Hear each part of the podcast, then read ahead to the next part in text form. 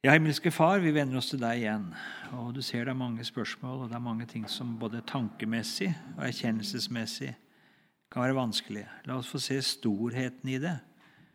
Eh, og vi ber også om det, at vi kunne ha den rette ydmykhet i møte med det, også med de som ikke forstår det helt på samme måte, men som vi virkelig ser av hjertet hører deg til å leve med deg. Hjelp at vi kan hjelpe hverandre fram på veien og likevel ikke vike av en hårsbredd når det gjelder det som ditt ord lærer.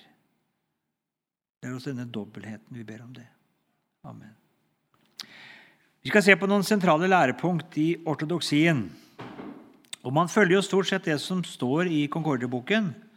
Det er noen lærepunkt som utdypes, og det er også noen som modifiseres i en eller annen retning. Eh, vi skal ta fram det viktigste. Læren om Skriften Skriften er Guds ord. Gud ville at hans åpenbaring skulle bli skriftlig fiksert.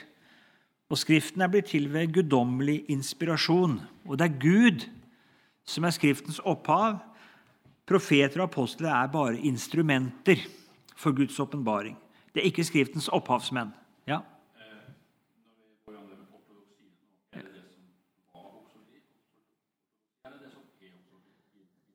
Ja? Det er det som var ortodoksien historisk. Og vi må nok si det at det meste av det vi kommer her, sånn, det er fortsatt ortodoks, altså rett, eh, ren luthersk lære. tror vi må si det. det. det. er få tider som rent læremessig har vært mer presise og, og, og gode enn ortodoksien. tror vi må si det.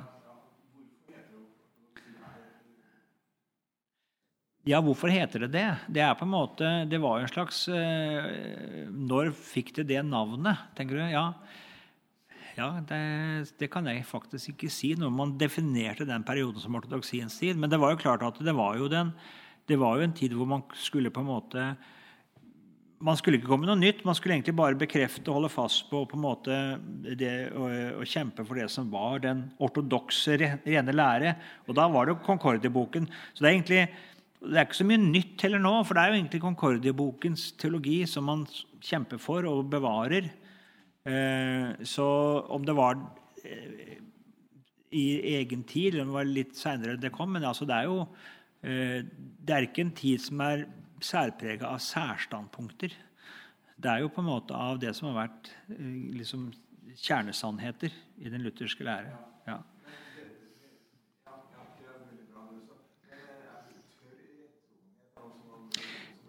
Vi kommer tilbake til det. Ja. Eh, inspirasjon den gjelder alt det Skriften taler om. Eh, ikke bare deler av den, altså. Og, og, det er en akt som, hvor Den hellige ånd altså gir de som skal skrive, nøyaktig kjennskap til åpenbaringen og veiledning om hvordan de skal meddele den. Eh, de bibelske forfattere har fått tilskyndelse til å skrive hva de skulle skrive om, og ordene de skulle skrive med.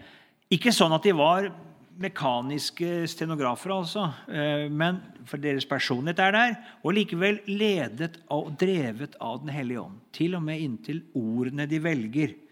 Eh, skriften det er en formal sannhet. altså Det, er, det, er det, det som står skrevet, er sant fordi det står i Skriften. Ikke trosspørsmål, dette. Men dette er selve forutsetningen for alt vi tror. Det er utgangspunktet, aksiomet. Og Dette skriftprinsippet har front mot kalvinistene. For de lot altså en filosofisk grunnholdning styre forståelsen av Skriftens utsagn. Og det er mot katolikkene, som satte tradisjonen da ved siden av Skriften. Når det gjelder da tolkning av Skriften, så sa man det, bare ta én sak, at de sier at Skriften beskriver virkeligheten slik den tar seg ut for oss.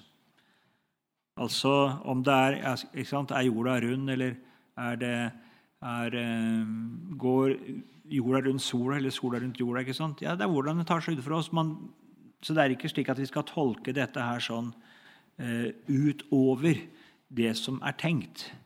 Uh, så, så, man har forståelse for at enkelte utsagn at jorden er festet på søyler i havets dyp, poetisk, så skal, så skal, vi ikke tolke det naturvitenskapelig. Vi skal lese det altså som et poetisk uttrykk. Man hadde forståelse for Skriftens egenart og på en måte Skriftens eh, poetiske og billedlige tale. Eh, og når det gjaldt da det som, eh, som gjelder beskrivelsen av, av, eh, av, naturen, så er det sånn vi ser den. Sola går opp, sola går ned. Eh, og, og, vi skal ikke på en måte eh, ha en slags skal kalle det da, en bokstavtro som går utover den type å lese. Det har historien vist. at Det har vært det, noen som har gjort det. Så, så mener at vi må med Bibelen si at jorda er flat, f.eks., eller sånne ting. Nei. Herman Ratmann han var prest i Gdansk, og han sa at det ytre ordet i seg selv det var bare en død bokstav. Det er nok ut ifra korinterregelen at eh, loven slår i hjel, eh, og, og ånden gjør levende. Det har vært et ord som ofte har skapt eh, vrangforestillinger. Ikke fordi det er noe uklarhet i ordet, men man har ikke lest sammenhengen. Hvorfor er det en død bokstav? Hvorfor blir det ikke et omvendelse for alle som hører det. Det er som et veiskilt, sier han, en farge på en vegg. Det kan først gi mening og åpenbare for oss når det blir belyst utenfra. Eh, vi trenger altså et lys utenfra ordet for at det skal bli levendegjort for oss. Først når Den hellige ånd kom til altså ikke Den hellige ånd den er altså ikke i ordet og virker gjennom ordet, men den kommer til utenfra og opplyser og levendegjør ordet. Sånn tenkte han. Da blir det virksomt. Da kan det føre til at mennesket blir omvendt. Så den indre åndelige mening i ordet ligger ikke i bokstavene. De er bare som ytre tegn. Men det er noe som mennesket først får når Den hellige ånd kommer til menneskets hjerte. Og Her så da ortodokse teologene noe av det samme som ble sagt hos spiritualistene, som talte om det indre og ytre ord. Og Det har vi møtt. ikke sant? Det, det har jeg hørt stadig vekk i våre dager ut fra den samme spiritualistiske tankegang. At bokstaven slår i hjel, men ånden gjør levende. At det er en hellig ånd som taler i vårt indre, som på en måte er det som er, og bokstaven Bibelens bokstaver det er døde. Det er på en måte, det er, det er, eh, vi trenger en, en, indre opplysning for i hele tatt kunne si, eh, komme til tro, og den er ganske uavhengig av ordet.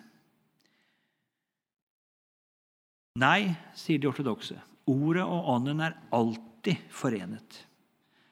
Og Det er Skriften selv som opplyser menneskets hjerte. Den hellige ånd er virksom å opplyse mennesket. Men det er Den hellige ånd som er virksom gjennom ordet. Ikke utenfor, ved siden av, i tillegg til, men gjennom ordet. Så når det ikke virker omvendelse hos alle, så skyldes ikke det at ånden ikke er i ordet, men at dette ordet motstås, og Den hellige ånd motstås. Ånden bruker alltid ordet som middel, aldri uten eller utover ordet. De sa også det at eh, når ordet ikke brukes, er ånden likevel forenet med det ytre ordet og virksomt. Selv om Bibelen ligger altså der lukket igjen eller ute i en ørken eller en bokhylla, så er ordet virksomt. Eh, de kan jo ikke erfare det uten bruken, men det er på en måte så forenet er ånden med ordet at, eh, at selv uten bruken Nei. Altså, det er det som er poenget. Gerhard, Gerhard han var teoretisk jo ikke uenig i for seg, men han syntes det hadde liten interesse. og Det må vi si. Det er, liksom, det er noe av den der spekulativiteten og liksom spissfindigheten.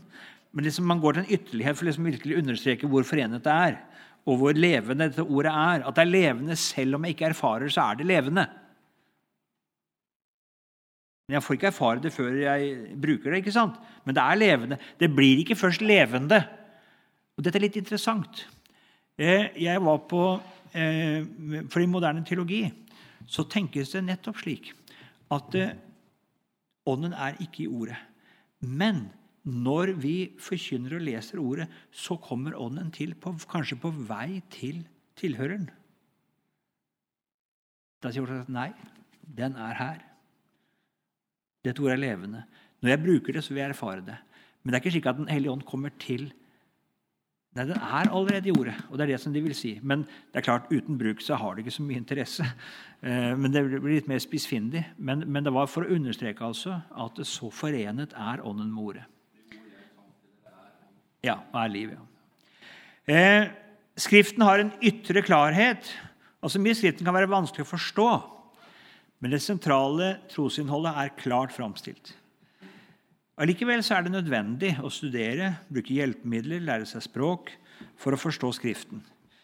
Men denne forståelsen kommer da likevel ikke til oss utenfra. Eh, slik at det er Kirkens tradisjon, fornuften eh, eller annen type kunnskap som skal på en måte belyse Skriften. Det er slik at eh, Hvis jeg lærer språk, da, så er det jo ikke språket et lys utenfra, men det er jo for å forstå det som faktisk står. Eh, lyset det er der i skriftordet. Så trenger jeg kanskje språkkunnskap for å forstå hva er det som står der. Men jeg kan ikke på en måte tilføre Skriften noe utenfra. Alt ligger der i Skriften. Den er klar. Den indre åndelige mening, altså, den ligger i bokstavene.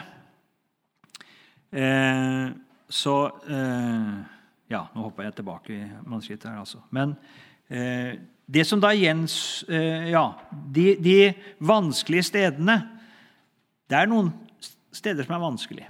Det er det. Og det er kanskje vanskelig fordi det strider mot vår fornuft og naturlige tankegang. Derfor er det vanskelig. Ikke fordi det er uklart. Skriften taler klart. Men disse vanskelige stedene de kan jeg få hjelp til å forstå gjennom det som er åpenbart og klart for meg. Så gjenstår det nok noe som jeg likevel ikke eh, fatter og begriper, og, og som likevel framstår som vanskelig. Og Det er da ikke nødvendig heller å forstå til frelse. Det sa de. Det kan være tusenårsriket, det kan være spørsmål om når Jesus kommer igjen. Det er jo ikke åpenbart, ikke sant? og tider og timer. Og det kan være mange ting som, som fortsatt jeg ikke helt forstår. Eh, men det trenger jeg ikke. Det, det, det som gjelder, som jeg trenger for å bli frelst, det er så klart framstilt. Og så også noe med det, Hvis jeg forholder meg til det som er klart, så vil det også kaste lys over det som fremdeles er uklart. Det er noe helt klart som ikke jeg kan forstå før jeg har forstått det grunnleggende. Uh, ja.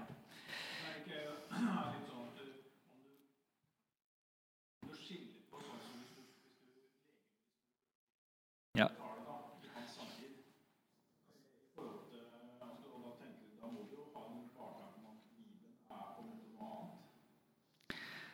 Ja.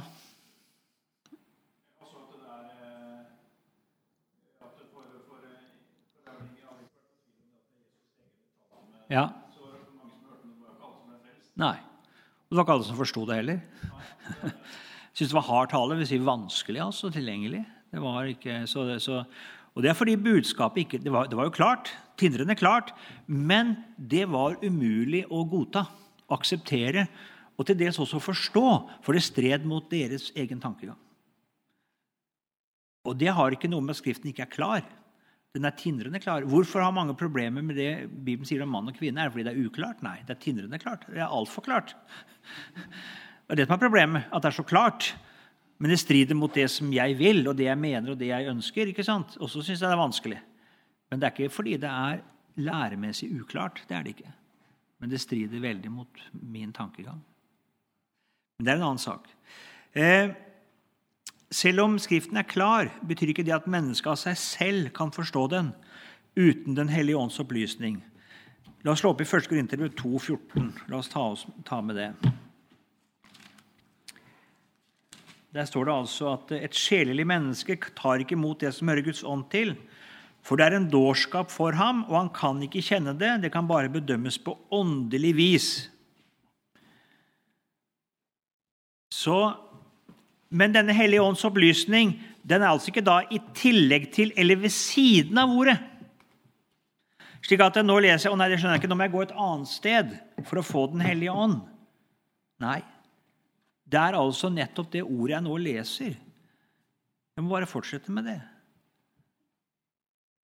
Så kommer altså opplysningen, og så kommer Den hellige ånds opplysning gjennom det samme ord. Det er ikke slik at jeg nå trenger jeg Ånden som et på en måte en, en kilde ved siden av Skriften. Jeg trenger virkelig Den hellige ånd.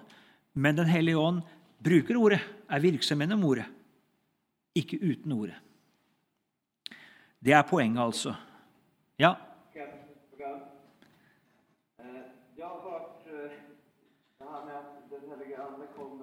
Evangeliet, bara inte genom ordet som helhet. Alltså vi ska inte tro att den helige Ande kommer genom ja, ordet som helhet, utan den, han kommer genom evangeliet.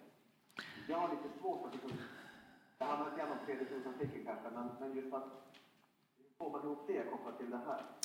Ja, det, det kan vi svare på det at når det gjelder som, som eh, Even Andersen er inne på det i sin troslære. og jeg tror det er riktig han sier det her, som, som erkjennelsesmiddel så er også loven så, så skaper jo den erkjennelse av synd. Og Den hellige ånd er virksom og overbeviser om synd.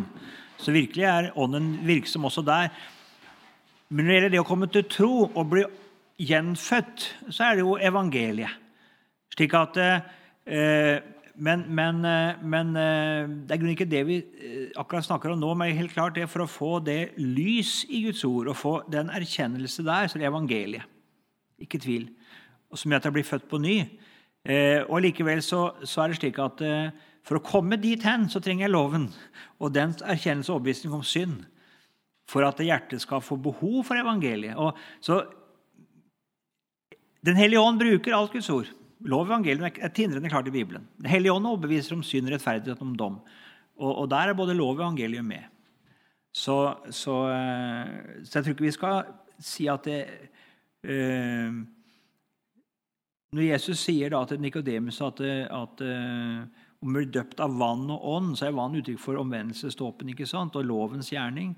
Og ånd er uttrykk for evangeliet. Jo da, så Skriften kan tale slik at, eh, for, da, for nettopp det at det er ved evangeliet du blir født på ny og får del i Den hellige ånd. Men det betyr ikke at det, Den hellige ånds gjerning er begrenset til evangeliet. Det blir feil. Eh, for eh, Skriften har en dødens gjerning, som også er åndens gjerning. Og døde. Så, så erkjennelsesmessig så er Den hellige ånd virksom i alt Guds ord. Og Likevel er det slik at eh, for å komme til tro og bli født på ny, så er det evangeliet. Det er, det er riktig. Men, men, vi kan ikke skille åndens gjerning til det. Tilbake her. Eh, I og med at Den hellige ånd er forbundet med ordet, så vil ethvert menneske, også det ugjenfødte, ved bruk av Skriften få en viss opplysning, altså erkjennelsesmessig, en bokstavelig, en ytre forståelse. Det kan faktisk fatte og begripe, altså rent læremessig, fornuftsmessig, eh, troslæresannheter. Det kan det. Ikke bare om, om, eh, om Guds bud, men også om evangeliet, altså sannheter. Det kan lære seg om forensisk rettferdiggjørelse, hva det er. Rent sånn læremessig kan det det. Jesus' delfortredergjerning, hva en tro er. Og, ja, det kan det gjøre. Eh, og da sier ortodokse det skyldes ikke menneskets forstand, for den er fordervet av synden, men det skyldes Den hellige ånd, som er virksom og som derfor kan gi mennesket rette begreper og forstand eller ja, kunnskap om dette. Eh, men det er ikke det samme som å være omvendt eller komme til tro. Og Likevel er det en ytre erkjennelse av sannheten. Men er det luthersk lære? Det er ortodoks, eh, ortodoks lære. Det er, det er, jeg tror ikke på en måte Luther befattet seg så veldig mye med det spørsmålet. Det er litt mer av denne detaljeringen og spissfindigheten som kommer. Eh, og eh, den indre, personlige tilegnelsen, fortrøstningen og også forståelsen av Skriften det får du først når du blir født på ny og kommer til tro. Det lærer man. Eh, her mener da Søderlund det skal ta litt tid til nå, at genateologene med Museus da, eh, de lærte at mennesket mennesket ikke var fordervet. Og at eh, mennesket derfor var i stand til å forstå Skriftens bokstavelige betydning uten Den hellige ånds opplysning. Eller så stanse litt ved det. Hva mener en av teologene, hva mener Museus med det at forstanden ikke er fordervet? Jeg tror ikke han sier det så kategorisk. Jeg tror Sødlund fortegner her. Eh, menneskets logiske evne tenkeevne. Hvis jeg skal finne, gjøre et eh, innbrudd eller være kjeltring, så er det utrolig hva den menneskelige tankeevne kan tenke ut av ikke sant? Eh, Så det, tankeevnen som sådan Men det er i forhold til Gud, i forhold til synden, der er menneskets forstand også fordervet. Det vil si at det, de sannheter da som på en måte ikke på en måte innebeva, inne, Så jeg kan også lære det at det rent læremessig at det og det lærer Bibelen er synd. Ja, det kan jeg. Men det betyr ikke det samme som at jeg i mitt hjerte vil erkjenne det. Ikke sant? For da går det noe annet. Eh, Jeg kan også lære om Gud og sannhetene. Det betyr ikke at jeg altså av min fornuft er i stand til å ville tro det. Og her er det da litt ulik. Der tror jeg på mange måter at, eh, at eh, de snakker litt forbi hverandre. Jeg mener det. For, for å definere forstanden altså som korrumpert på den måten at jeg er i grunnen ikke i stand til å begripe disse læresannhetene. Jeg kan lære matematikk. Eller er det også Den hellige ånds forpliktelse? Nei, det tror vi ikke. ikke sant? Eh, og da tenker jeg at eh, pietisten at nei, tankeevnen som sådan, den kan dette. Men mennesket er ikke født på ny. Det er ikke en troende. Det kan ved sin fornuft ta disse standpunktene. Så de også. nei, det kan du ikke. Fornuften kan ikke dette her. Det kan den bare ved ordet, for der er ånden. Ja, så sier jeg det. Jo, ingen av oss det er dette, Evangeliet forkynner det som ikke oppkommer noe menneskesier. Så uten Den hellige ånd forkynner meg det ordet, så kan jeg jo ikke lære noe av disse tingene her. Dere er med? Jeg kan ikke tenke meg fram til det. Sånn sett er fornuften helt ubrukelig. Det er bare Den hellige ånds vitnesbyrd i ordet om Gud, om frelsen. Det er bare på den måten jeg kan lære disse sannhetene. Jeg kan ikke tenke meg fram til dem. Det kan jeg ikke. Sånn sett er fornuften helt ubrukelig. Forstår dere poenget? Ja, altså Det er vel noe med at både altså, legeme og tanke og alt altså Det er jo ikke syndig i seg sjøl, men det står i syndens tjeneste. Ja. så lenge vi ikke Og jeg bruker det altså til å holde Gud på avstand. Jeg bruker det til å forsvare synd og leve i synd. Holde, så sånn. Men det betyr ikke at den er skadet på en sånn måte. Eh, jo, den er skadet i den forstand at jeg kan ikke tenke meg fram til. Jeg har ingen erkjennelse. Jeg er, jeg er blind. Men når den, Guds ord kommer til å lære meg disse sannhetene, så er det rent sånn tankemessig ikke så mye annerledes enn at jeg lærer eh, at noen forklarer meg matematikk. Eh, eller lære meg språk. ikke sant? Det er kunnskap som jeg må lært, eh, for jeg kan ikke engelsk hvis ikke jeg hører noen lære meg det. Eh, Mens her sier de ortodokse nei, det er mer enn det. Du kan faktisk ikke forstå noen ting her sånn uten Den hellige ånd. ødelegger ikke litt av dette her med mysteriet, da? Kristi mysterium. Altså at det er så åpenbart for alle. Alle kan på en måte se Ja, og på en måte forstå. Og likevel ikke forstå. Og så likevel betyr det Ja. ingenting for dem. ja, ja men det, det, vil- det, vil, det. vil begge to si. Det vil både de ortodokse og pietistene si. Ortodokse vil si det at denne kunnskapen Hellige Ånd gir, som du kan da få opplysning om i din fornuft, det er ikke det samme som å komme til tro. Da trenger du en opplysning på et annet plan. De pietistene vil si at dette fatter du. Visst er det Ånden som taler i ordet, men du trenger ikke altså Den hellige ånd eh, på en måte eh, eh, Dette kan du altså Fornuften din, når dette blir forkynt av ordet, så kan fornuften din fatte det rent læremessig. Nei, sier ortodokse, det kan den ikke. Der må Den hellige ånd hjelpe fornuften din. Men du er ikke dermed født på ny. Ja, Men jeg syns dette kanskje blir mer, litt mer lek med ord, for jeg tror egentlig ikke det er så ulikt. Det er litt hvilke synsvinkler man har. For Wittenberg-teologene så var fokuset på Skriftens virkekraft og Den hellige ånds forening med ordet. Man var livredd for at den skulle løses fra ordet. Eh, Pietistene la vekt på menneskets sanne omvendelse og tro. At men, den kunnskap mennesket har i Guds ord, den er altså, som er av fornuften, den er ikke frelsende hvis ikke mennesket blir født på ny. altså virkelig kommet til en levende tro på Jesus. Det er et annet, et annet utgangspunkt, et annet fokus. De fokuserer på hva som skjer her. Ortodokse fokuserer på det objektive, hva som skjer her. Eh, Og hva som utgår fra dette ordet. Eh, Og, og det er på en måte, de, de, går, de går til saken fra hver sin side. Og jeg tror som sagt ikke forskjellen er så stor, egentlig, dypest sett. Eh, Pietistene var opptatt av den levende tro, i motsetning til den døde. De så at mange kunne ha stor kunnskap i Skriften og ha hele trosteinen i forstanden, og de var likevel ikke født på ny. De levde ikke troen på Jesus Kristus. Det gjorde de ikke. Men de kunne det. De kunne være en prest, være en teolog. ikke sant? Hadde alt sammen. Men de skjønte at dette mennesket lever ikke med Gud. Eh, I kraft av Skriftens ytre klarhet så kunne mennesket altså med sin forstand forstå Skriften og dens lære.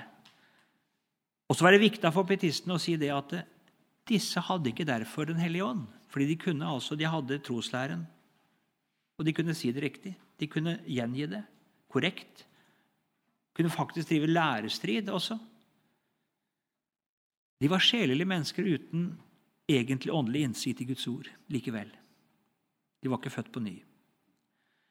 Så Den innsikt de hadde i åndelige spørsmål, den var bare noe de rent forstandsmessig hadde tilegnet seg uten Den hellige ånd. Og Da tenkes det på Den hellige ånd personlig. De ortodokse sier denne kunnskapen hadde de ved Den hellige ånd gjennom ordet. Men det sier ortodokse. Men de hadde ikke den personlig. Skjønner du? Så det er, eh, det er en, jeg tror en skinnmotsetning mer enn det er en reell motsetning.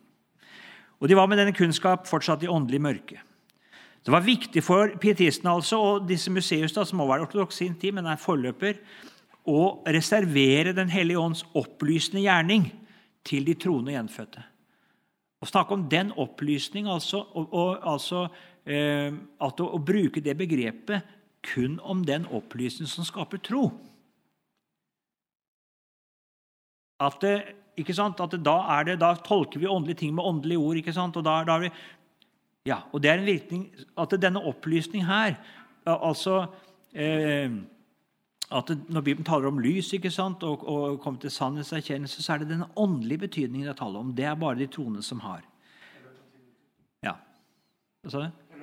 Ja, jeg skal klare det. Eh, de ortodokse de understreker altså at eh, det var viktig for dem altså at ikke vi skulle tale nå om Den hellige ånd løst fra Skriften. Eh, og Derfor så var det så viktig å si at alt du får fra Skriften, det er Den hellige ånd med. Også om det er bare en forstandsmessig tro, så er Den hellige ånd med. Det er Den hellige ånd som også har virket det, selv om ikke et menneske har kommet til levende tro. Den kunnskapen det mennesket har, den historiske kunnskap, den er også Den hellige ånd som formidler. Gjennom profeter og apostler. Ja, jeg tror pietistene ikke er uenig i det.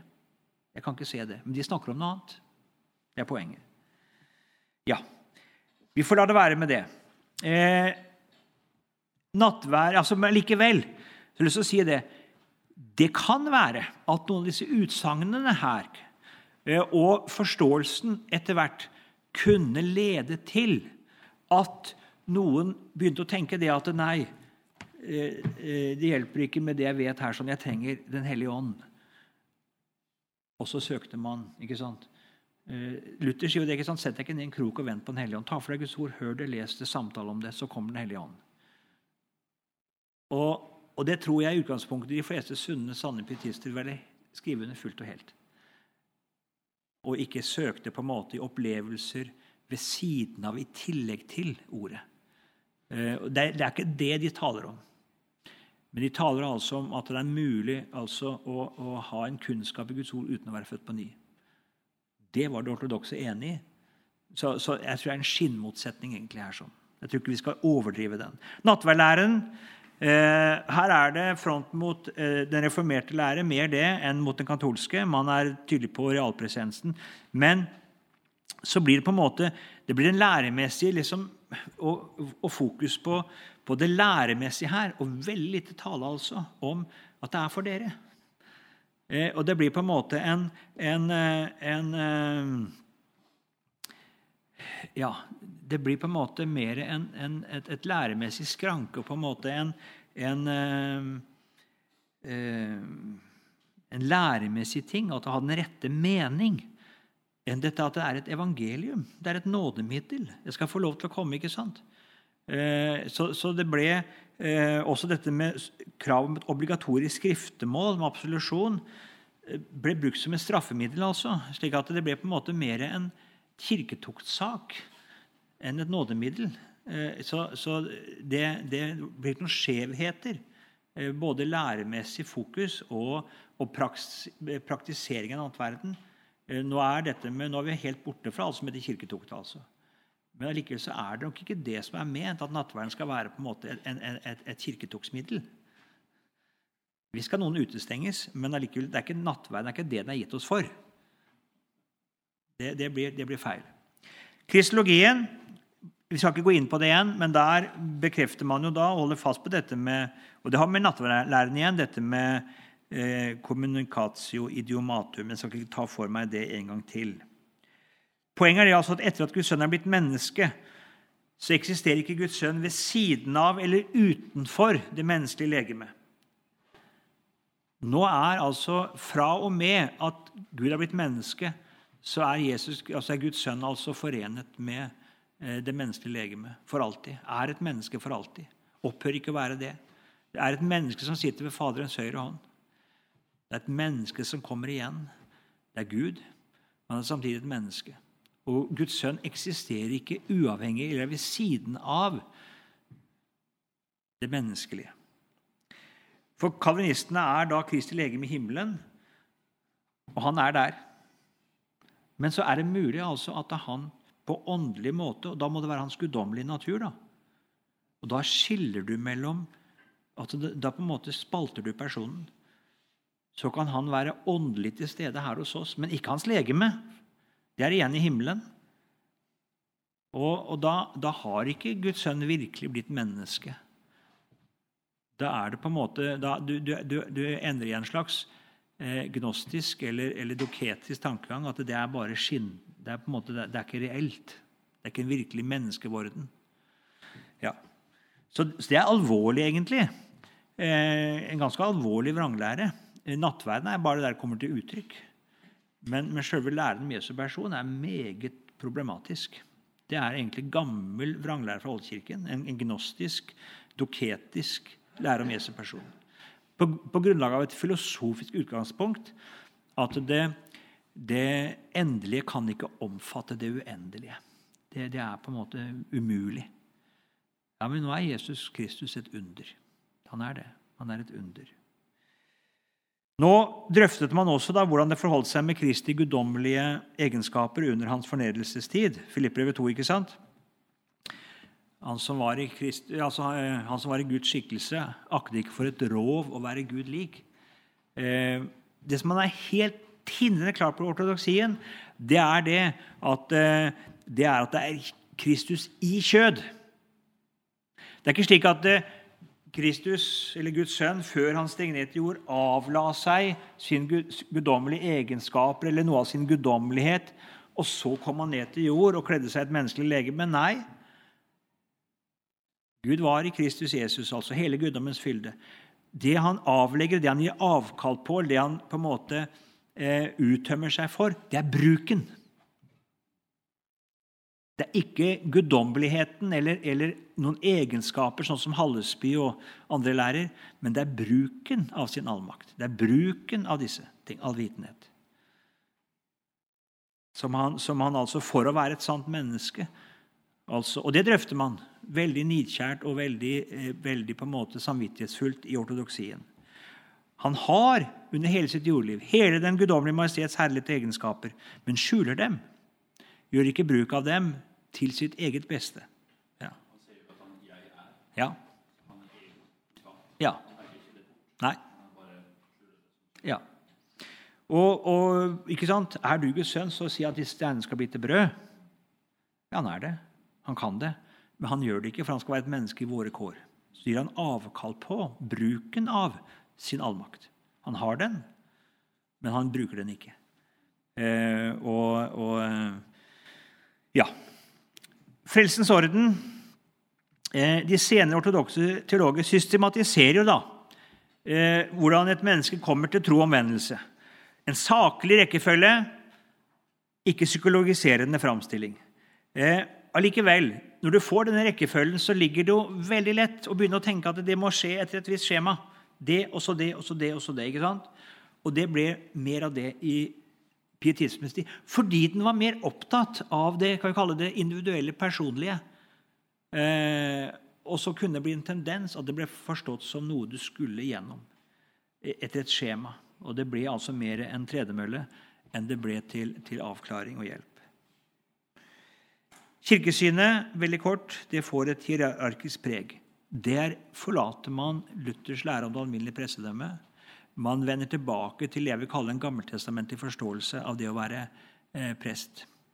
Eh, og, og eh, hierarkisk struktur. Og, eh, og, tenker annerledes om det. Eh, så man får nå mer den ta samme tankegang som hadde vært i katolsk tid, om presten som en som står mellom menigheten og Gud. Ja, Selv om han ikke har mesteoffer, altså, så er det likevel han får denne mellomposisjonen. Tror ikke vi skal si noe mer enn det. Eh, så tar vi eh, pause der.